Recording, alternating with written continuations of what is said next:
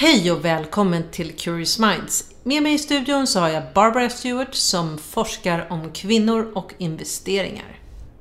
Hi Barbara, welcome to Stockholm in Sweden. Hi Anna, it's my pleasure to be here today. Maybe you would like to um, tell us a little bit about yourself and your backgrounds. Well, it's a long story. Where should I start? Um, as a kid, I loved everything to do with money. I couldn't wait to get my first job when I was 16, and I haven't looked back. I used to want money to buy really nice clothes, and now I've decided money is actually even more important than that, and especially for women. But you actually worked for an investment firm for many years. Yes, I just uh, kind of semi retired in November after nearly 25 years in the investment industry, five years trading foreign currency, and the last uh, close to 20 as a portfolio manager and partner with an investment management firm in Toronto. But you started your international research about seven years ago, and the research is, research is about financial lives of women. Uh, what made you choose this topic? Well, we were in the deep, dark days of despair in the financial crisis in 2007 8 seems like a long time ago now and I was not enjoying my job because my clients didn't want to open their investment statements or discuss their negative returns at the time. So I just would go home and read, and I felt really depressed. And I started reading everything I could about women and money because it had always been of interest to me. And what ended up happening is the more I read, I became even more depressed because all of the messages were so negative. Um, every research piece that I read by either bank websites or research houses talked about uh, negative messages about women not being confident with money, they didn't take risk, and they deferred their authority to men when they were thinking about managing their money. So I thought there was something strange about that, and it didn't feel right to me because I had met and worked with so many strong, financially capable women. I thought uh, I would make a contribution and do my own research and see if I could put out some more positive messages. Have you seen any specific trends or changes in women's financial behavior over the years? Um, I think a lot, and probably the main one that's the most encouraging is from that start seven years ago when I used to ask women if they were confident dealing with their money. They would usually say something very self deprecating, like, um, No, uh, I should know a lot more about what I'm doing with my money. And even if they had degrees in finance and jobs in finance, they would kind of put themselves down and it really drove me crazy. And over the years, I've been trying really hard every time a woman is hard on herself to ask her to be um, more truthful about her real capabilities because I think it's so important. And I guess the positive thing that I found, especially with millennial women, millennials will now brag about how good they are dealing with their money, and they'll tell you they're better at it than the dudes and all of this stuff. And but that sounds great. It is great. It's really encouraging. But you're in Stockholm right now to present your latest report, How Smart Women Are Managing Their Money in 2017. Uh, what are your findings? Well, there's a lot to go through, and I encourage, I encourage everybody to read the full report, and it's on my website, barbarastewart.ca. Very exciting. I met with over 50 women last year, 25 countries, 17 different cities. So there's a lot of information in and that. A lot report. of traveling, I guess. A lot of traveling. That's normal for me. I never know what time zone I'm in or whatever, but it's it's good fun. Um, but the biggest thing that came out for me last year was this concept of financial independence, which has always been common um, amongst all of the women I've interviewed. But this year, it seems to be by far the most dominant theme this idea of I will make my own money and I will take care of myself uh, makes women feel good. And I think that they're really putting their resources behind that. When you, you write in the report that women fall into into one or three categories, can you describe the three categories and also give some examples? Definitely. I think it, it's um, dependent on the personality. And of course, nobody falls into only one category. We usually have uh, a little bit of each in us. But sort of the main three things that I figured out were one, uh, women tend to be very structured and disciplined, and they like to put things in three buckets, I call them.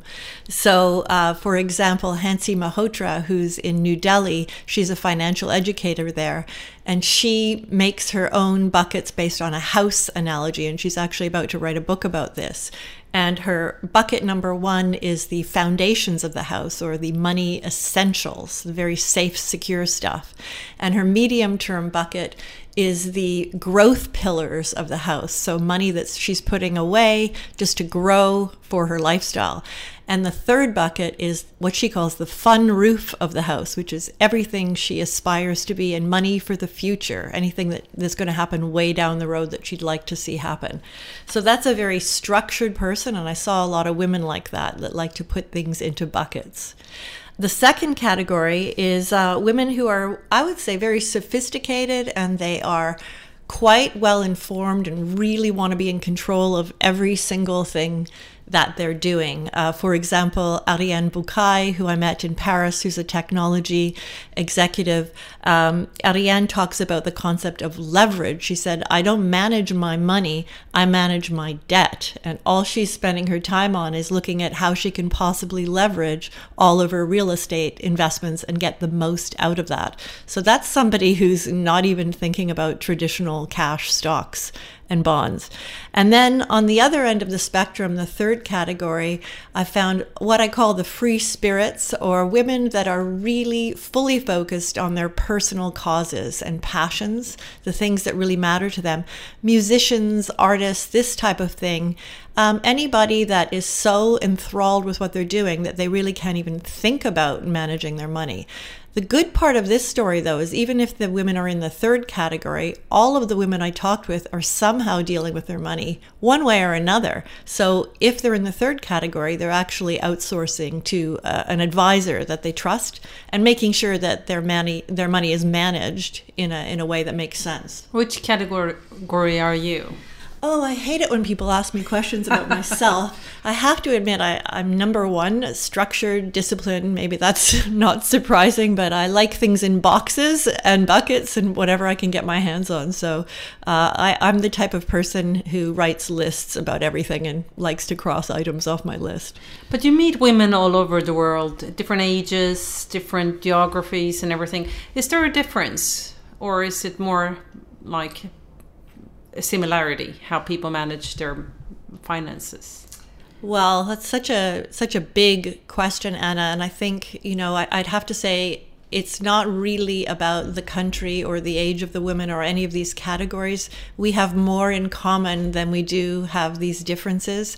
Um, it's really about the investor personality and whether you're a man or a woman or a millennial, which of course are also men and women, it's really about the unique personality of that person and their upbringing and what they were taught and what they went through. So I found it really interesting to find out why these people are motivated to manage their money in a certain way. And there was always a story behind it. There's always a story behind each one of us. And I think it's it's less about a woman thing and it's more about a person thing and how were we brought up. But the fact is that the majority of all investors are men. I suppose so. I, I think it depends on which facts you're looking at. And the encouraging thing is, uh, I don't do quantitative my research myself. Mine is all qualitative and based on these verbal interviews. But I've certainly been reading a lot more about uh, the explosion, if you will, in female investors. I mean, technology is now a given with women, and this has given them access to capital in ways that we've never seen before.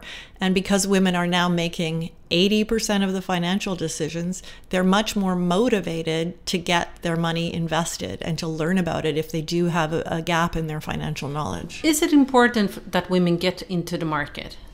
Oh, it's incredibly important. This is my life work now, and I'm I'm so encouraged actually here in Stockholm today, giving a presentation this morning for Danske Bank, to see that a lot of women do take action and they are starting to buy stocks, and it really isn't that difficult. As they told me, you know, you just take a small amount of money, like twenty dollars, whatever it is, and the important thing is just to get started. And now there's so many platforms and apps and whatever that you can use to do that. It's fun. The environment has changed, and investing can really be fun. When looking at impact investing, that's something that's becoming really, really popular or something that you hear a lot about. Can you describe what it is and also if you think that this will actually increase interest in investing among women?